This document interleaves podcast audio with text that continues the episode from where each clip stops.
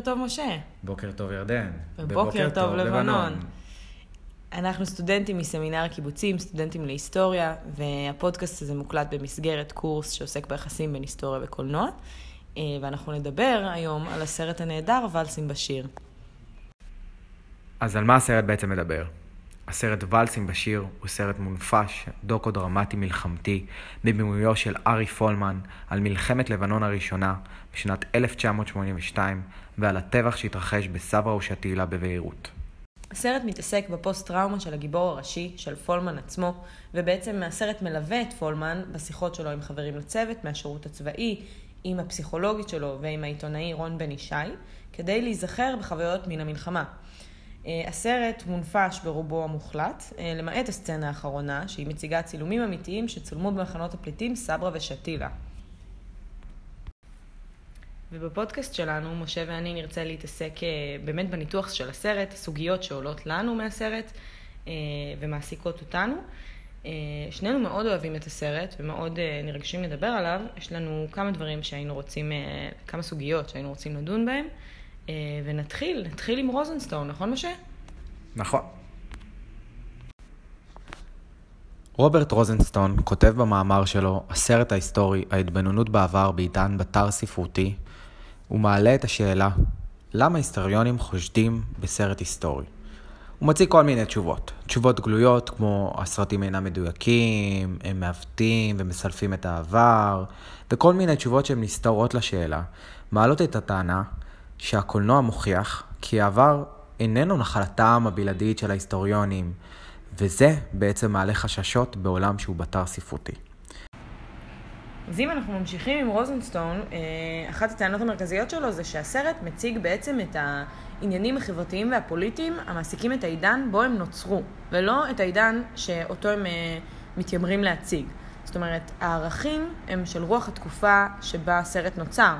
אה, במקרה של ולסים בשיר, זה, הסרט נוצר ב-2008, אה, אבל הוא מתייחס לתקופה של 82. הערכים והעניינים שהסרט עוסק בהם, הם רלוונטיים לתקופה של 2008. אם אנחנו ב-2008, זה אחרי האינתיפאדה השנייה, אחרי מבצע עופרת יצוקה, אה, שיש באמת האשמות כבדות כלפי צה"ל, כלפי מדינת ישראל, והנפש הישראלית, אפשר להגיד, ממש רדופה תחת האשמות של פשעי מלחמה, של חוסר מוסריות. אה, והסרט בעצם מציג חיפוש של גאולה, זאת אומרת של חייל שמחפש גאולה על, ה, על המעשים הלא מוסריים שהוא עשה במלחמה. אז אם אני מבין אותך נכון, ירדן, הסרט מעניק מקום חדש בחברה הישראלית לתמה שהקולנוע הישראלי דוחף באותן שנים. תמה שמתעסקת בסוגיות לא פתורות, סוגיות של אשמה, של אחריות, סוגיות שמייסרות את הנפש של החייל הישראלי אל אותם טראומות רדומות של זיכרונות מודחקים אצל חיילים ששבו מן המלחמות. בדיוק, זה באמת, אה, אם, אם בעבר, זאת אומרת, אם ב-82 היו מייצרים סרט על מלחמת לבנון, יכול להיות שהוא היה מציג דווקא אה, צד מאוד אחר ב, ב, אצל החייל הישראלי, אצל חיילי צה"ל. הוא היה מציג את ההירואיות, את הגבורה של הקרב, אה, פחות את, ה, את החייל כקורבן, את החייל כאשם, את החייל כ... בעצם חייל שעושה מעשים לא מוסריים. זה מאוד מייצג את רוח התקופה הזאת, שבה באמת יש אה, הרבה יותר, נקרא לזה, מתפכחים. החברה מתפכחת לכל הנושא הזה של הלם קרב ופוסט-טראומה. הרבה בעקבות הסרטים האלו.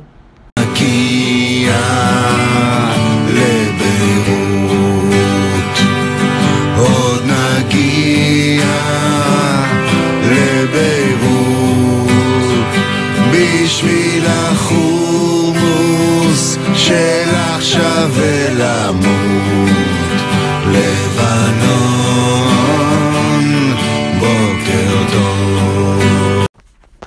אז בעצם רוזנסטון מדבר איתנו במאמר שלו על שלוש סוגים של סרטים היסטוריים. היסטוריה כדרמה, היסטוריה כתעודה והיסטוריה כניסוי. מה לדעתך ירדן הסרט ולסים בשיר, לאיזה קטגוריה הוא נכנס? אז הוא ללא ספק נכנס אה, בקטגוריה של היסטוריה כתיעוד, היסטוריה כתעודה, אה, אבל הוא כן קצת, אה, קצת שונה מחבריו, נקרא לזה, לקטגוריה, כי הוא אנימציה תיעודית, שזה מין ז'אנר היברידי כזה, שמשלב גם בין אה, אנימציה וגם בין תיעוד. אה, ובעצם הוא, הוא מתעסק בחומר שהוא הוא לא בדיוני, החומר הוא היסטוריה, אבל הוא מספק לו פרשנות, שחזור שונה. אה, זאת, זה מה שהנפשה עושה שם. מה שההנפשה עושה, היא בעצם מייצרת אזהרה, שמאפשרת לקהל להיחשף לפוסט-טראומה, להלם קרב, ומאפשרת להתקרב לאירועים, לאירועי הטבח של סברו ושתילה ולמלחמת לבנון הראשונה. אבל מה זה בעצם אזהרה?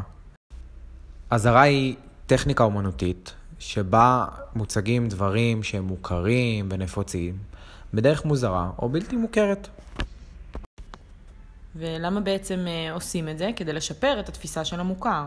אז באמצעות ההנפשה בסרט ואלסים בשיר, בעצם זה מאפשר לנו להתקרב לאירועים טראומטיים שחוו חיילים, אה, כמו פינוי פצועים והרוגים משטח קרב, מוות של חברים, אה, וכן להציג אותם מזווית אחרת, זווית שונה לגמרי, עם אפקטים ויזואליים מרהיבים, יש להגיד, אה, וגם מבחינת סאונד. אז בעצם את אומרת שאם פולמן היה בוחר להשתמש בטכניקות מסורתיות, כמו שרוזנסטון מעלה במאמר שלו, אפשר להגיד שזה לא היה מתקבל באולם הקולנוע, ולא היה מצליח לעבור את המסך ואת העין הישראלית. זה ללא ספק היה הרבה יותר קשה אה, להציג באמת אה, תיעודים אמיתיים של אה, מלחמות, של, של טבח סברה ושתילה, זה... אני חושבת שזה דבר שהיה קשה מאוד לצופים. האזהרה בעצם יוצרת סוג של רוחק אסתטי, והיא אמצעי להרחקת המציאות ויכולת להתמודד איתה. דוגמה מהסרט, דוגמה טובה, זה מתי שפולמן כן, נפגש שפולמן עם, אה, מבקר את נפגש עם כרמי. את. זוכרת מה הוא אמר לו, ירדן? כן, הוא אומר לו, צייר כמה שאתה רוצה, כל עוד אתה מצייר ולא מצלם, זה בסדר. זה ממש הרעיון של ולסים בשיר, נראה לי, זה בדיוק מה שפולמן. בעצם אה, הציור מייצר איזושהי עדות ולא איזושהי עובדה קיימת. היא... נכון. באמת בניגוד לצילום, שהוא, לצורך העניין אמרנו, אם היינו מביאים צילומים מטבח סבו ושתילה, זה ממש אה, עובדה שאי אפשר להתחמק ממנה. בעוד והצילום, בעיקר כשמדובר בעדויות של היסטוריה אוראלית, זה, זה בעצם כאילו מקביל לתהליך של הבניה של מציאות, זיכרון ותודעה. איך. ה- האנימציה פה ממש מבליטה את האופן שבו הזיכרון הופך לעדות. אז מה הבעיה שהאזהרה יוצרת לנו? היא בעצם... אה, היא מייפת המציאות היא מייפת מדי. המציאות, היא, היא גורמת לכך שאנחנו מתעסקים באפקטים הוויזואליים, ובעצם מתעלמים מהזעזוע. האמיתי של המלחמה, נכון. לגמרי. אה, בגלל זה יכול להיות שפולמן חותם את הסרט בסצנה הלא מונפשת, האמיתית, ועדיין מצליח להוציא את, ה, את הקהל עם אה, כן, עם תחושת. תחושת זעזוע, משהו לא... כן, לגמרי. חלומותייך יתגשמו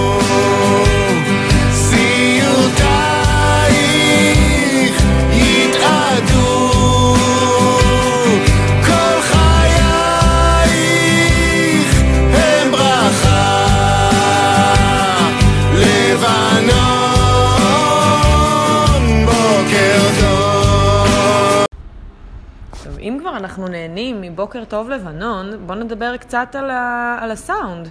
אה, רוזנסטון מעלה במאמר שלו סוגיה, סוגיה עמוקה בנוגע לשאלה האם הסרט מוסיף להבנה שלנו את האירוע ההיסטורי, בגלל הריגוש שהוא גורם. הריגוש הזה נגרם בין היתר על ידי סאונד. אה, מה, מה אתה חושב?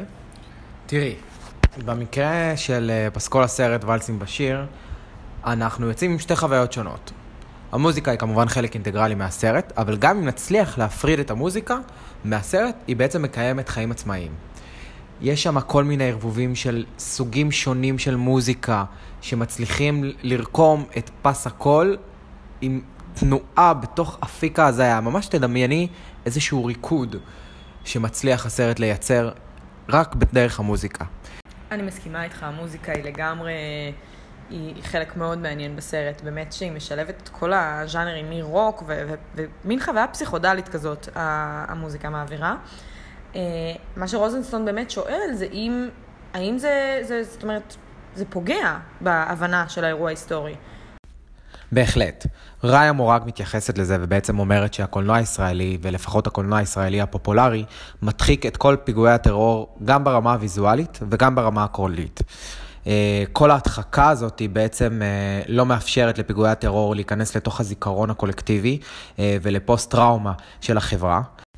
אז אם ננסה לענות לשאלה הגדולה הזאת של רוזנסטון, לפי מה ששמענו מראיה מורג, ולפי באמת הדעה שגיבשנו כאן על הסרט, נשמע שזה באמת, שההנפשה כאן מרחיקה מההבנה של האירוע ההיסטורי כמו שהוא. רגע, הסרט הוא כולו עדויות. אה, ועדויות בעצם סוג של היסטוריה אוראלית. נכון. ירדן, רוצה שנייה להסביר לנו מה זה היסטוריה אוראלית? נכון. אה, לפי פורטלי, אנחנו מתבססים פה על המאמר של פורטלי בנוגע להיסטוריה אוראלית. הסרט אה, ולסים בשיר הוא כן מייצג מושלם של זה. כי לא מביאים את התמלול של הקלטות של העדויות, מביאים ממש את הקלטות עצמם. זאת אומרת, ההנפשה נעשית הרי על, על, אה, על מי שמדבר באותו הזמן. אה, וככה אנחנו רואים את, ה, את הדברים החשובים באמת, את הסגנון הדיבור, את, אה, את העצירות שבדיבור, איפה המרואיין בוחר להשתהה. כל הדברים האלה לא נמצאים בתמלולים, אלא בעדות האוראלית עצמה. ומהבחינה הזאת, הסרט כן, אה, כן עושה עבודה טובה, ב, ב, באמת כ, כמקור היסטורי אוראלי. והמקור ההיסטורי האוראלי הוא מקור נרטיבי. זאת אומרת, ההיסטוריה האוראלית מספרת יותר על המשמעות של האירועים מאשר על האירועים עצמם. החיילים בטבח סברה ושתילה והעדים בסרט בעצם, הם לא מספרים את מה שהם עשו, הם מספרים את מה שהם חושבים שהם עשו. לכן יש בעייתיות בכל זאת לקרוא לתיעוד שלהם, לזיכרון שלהם, עובדה היסטורית. כי הסרט מתעסק באנשים שחוו את ההיסטוריה, ולא בהיסטוריה עצמה.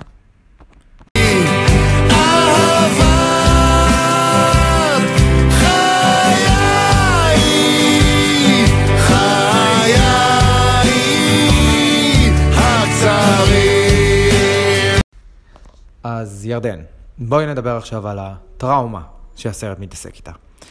בסצנת הפתיחה של הסרט מוצגים 26 כלבים שרודפים אחרי בועז, חבר של פולמן, בחלום שלו, ומכריחים אותו, ובעצם גם את פולמן בהמשך, להתעמת עם הטראומה, ואולי גם לקחת אחריות עליה. ההדחקה של האירוע הטראומטי באה לידי ביטוי גם ב, באמת בוויזואליות של הסרט, באסתטיקה שלו. האנימציה, כמו חלום, היא, היא איזה, יש שם יחסים של דמיון ומציאות. הטראומה והחלום הם מקבילים להיזכרות ולתהליך יצירת הסרט.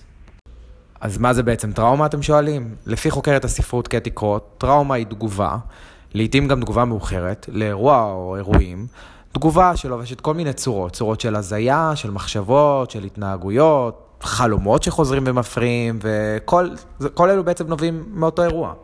ומה עומד במרכז הסרט? הטראומה של ארי פולמן. Uh, עכשיו, האירוע ההיסטורי שעומד במרכז הסרט זה טבח סבר ושתילה, שבעצם הוא מתואר כך.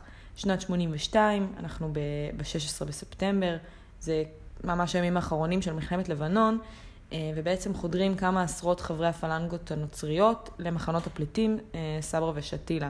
הם טובחים שם באלפי פלסטינים. אה, ובאותה עת הצבא הישראלי בעצם מכתר את המחנות. אה, פולמן היה אחד החיילים ששיגר פצצות תאורה מבניין גבוה, ובעצם העיר, אה, העיר את המחנות בזמן שטבחו בהם. פולמן הדחיק את אותו זיכרון, כי הוא מזהה את עצמו עם הרוצחים. הוא חש שיש לו אחריות מוסרית כלפי האירוע. ג'נט ווקר טבע את המונח אי זכירה, שזה בעצם מתאר את הקשר בין מציאות ופנטזיה בתוך ייצוגים קולנועיים של זיכרונות טראומטיים. אז אה, לפי מה שהיא אומרת, האי זכירה זה תהליך שמעלה דימויים מנטליים, צלילים שקשורים לאירועי עבר, אבל מעצבים אותם בכל מיני דרכים ייחודיות. במקרה שלנו, ואלסים בשיר, כבר התשובה היא ברורה. אה, אז חשוב כן לציין שבמקרה הזה של ואלסים בשיר, האירועים שם הם יותר אי זכירה מאשר זכירה. הסרט מורכב מזיכרונות קטועים, אה, מזיכרונות שהם שברי חלומות, שהם שברים של פנטזיה, דמיון, הרבה חוסר היגיון, ממש כמו בחלומות. אה, והזיכרונות האלו, הם מעידים על, על הטבע הבלתי ניתן לייצוג של אירוע טראומטי. ובאמת על המאבק של הסרט לעורר את הזיכרון הטראומטי מחדש. הסרט הוא בעצם סוג של סימולקרה. סימולקרה זה הייצוג של הייצוג. תחשבו על זה רגע, כמו מיני ישראל. הסימולקרה מונעת כל תחושה של אמת, מביאה את השיח התרבותי לתנועה בין ייצוגים ריקים, והיא עושה את זה במפגן של שמרנות נאורה. ומכאן הביקורת, אה, שיוצרי הסרט היו מודעים לבעיית הייצוג, אבל זו הסיבה שגם בגללה הם בחרו שזה יהיה סרט אנימציה, ולא סרט תיעודי. ביקורת דומה עולה ממאמרו של יפתח אשכנזי. לטענתו, הסרט מאופיין בחוסר כנות. נכון, כי הוא כביכול אה, מייצג את המציאות, אבל למעשה הוא ממיר את זוועות המלחמה בעונג, עונג אסתטי ועונג אה, ויזואלי. עכשיו, לא רק זוועות המ- המלחמה מומרות בעונג, אלא גם הטראומה. הטראומה עצמה מיוצגת כאירוע אסתטי, מה שלא אפשרי בהבנה שלנו של מה זה אירוע טראומטי. הביקורת גם היא על הניסיון הארוך של היוצרים להצדקה העצמית הזאת, הפרטית, אה, על כל אירועי הטבח שהתרחשו. גם קולקטיבית. ובעצם המקום שהאנימציה מופסקת בסרט היא לא מקרית. נכון. לחייל הישראלי הרבה יותר נוח להצטער על הרגעים שבהם האויב יורה, אה, יותר מהמקומות שבו הוא האשם והוא היורה. ובעצם זה מה שמצליחה האנימציה לעשות, היא מצליחה לייצר איזשהו רוח אסתטי והופכת את החוויה ליפה ונעימה יותר. נכון, ובזמן שמראים את הצבא הישראלי אה, יורה ו- ו- וכולי, כל המלחמת לבנון, היא מתנהלת באנימציה. ואז באמת יש פה את ה... כל מה שדיברנו עליו, שהזוועות של המלחמה הן מומרות באיזו חוויה אסתטית יפה, נעימה, אבל כשזה מפסיק, מתי זה מפסיק? כשהפלנגות הנוצריות טובחות, לא כשהחייל הישראלי טובח. אז מכל העבודה שלנו, גם על המחקר וגם על הפודקאסט הזה, אנחנו יוצאים עם שתי שאלות ממש מרתקות. ירדן, רוצה לשתף אותנו בשאלות? כן, אז השאלה הראשונה שאנחנו יוצאים איתה, זה האם ה... אם הצבא הישראלי היה מואשם בטבח אה, באופן מסיבי יותר ממה שהוא מואשם כיום, רק בעצם בכיתור המחנות, האם הוא היה באמת מי שהיה מבצע את הטבח? היה מקום לסרט כזה? סרט כזה היה נוצר? היה ניסיון בכלל ליצור סרט כזה? שאלה מעניינת. ומה השאלה השנייה? אה, השאלה הנוספת היא, היא באמת על, ה, על המהות הזאת של הקשר בין היסטוריה לקולנוע. איך אנחנו מבינים את האירוע ההיסטורי מתוך הסרט. בעצם לא מוסבר לנו למה מדינת ישראל יצאה למבצע כזה כוחני בלבנון. אה, לא, לא, אנחנו מקבלים את זה כמין גזרת גורל, שהצבא הישראלי שם מונח בלבנון, מכתר את מחנות הפליטים סבו ושתילה. אין לנו באמת הבהרה, הסברה של האירוע ההיסטורי. יש רק השלמה והסגרה עם הסיפור הטראומטי האישי של אותו חייל. וזה באמת, זאת אומרת, זה מציג את הסרט כפוליטי, כחתרני, אבל למעשה אין תשובה על השאלות הקשות באמת. על השאלות של הטבח, על מידת האחריות. יש, יש תשובות אולי על מידת האחריות של אותו חייל, אבל זה לא ברמה הקולקטיבית אה, הציבורית. אז אנחנו באמת מזמינים את כולם לצפות בסרט למי שלא צפה, ולמי שכבר צפה, לצפות בו שוב ולערער באותן שאלות שירדן העלתה עכשיו. אה, הסרט בהחלט מעלה דיון רב אצל החוקרים, ומזמין אותנו לפרשנות ומחשבה אה, על התמודדויות עם טראומה ופוסט-טראומה בחברה הישראלית, ויותר חשוב מזה, קורא לנו לחשוב על סוגיות מורכבות אה, בנוגע לקשר בין היסטוריה וקולנוע, ועל הייצוג של האחד בשני. אז תודה לכל מי שהאזין עד כה, ותודה רבה לך, משה. תודה לך, ירדן. היה ממש אה, מעניין המחקר והעבודה על הסרט הזה, ואנחנו שוב מזמינים את כולם לצפות בו. תודה רבה. להתראות. לבנון, בוקר טוב. לבנון,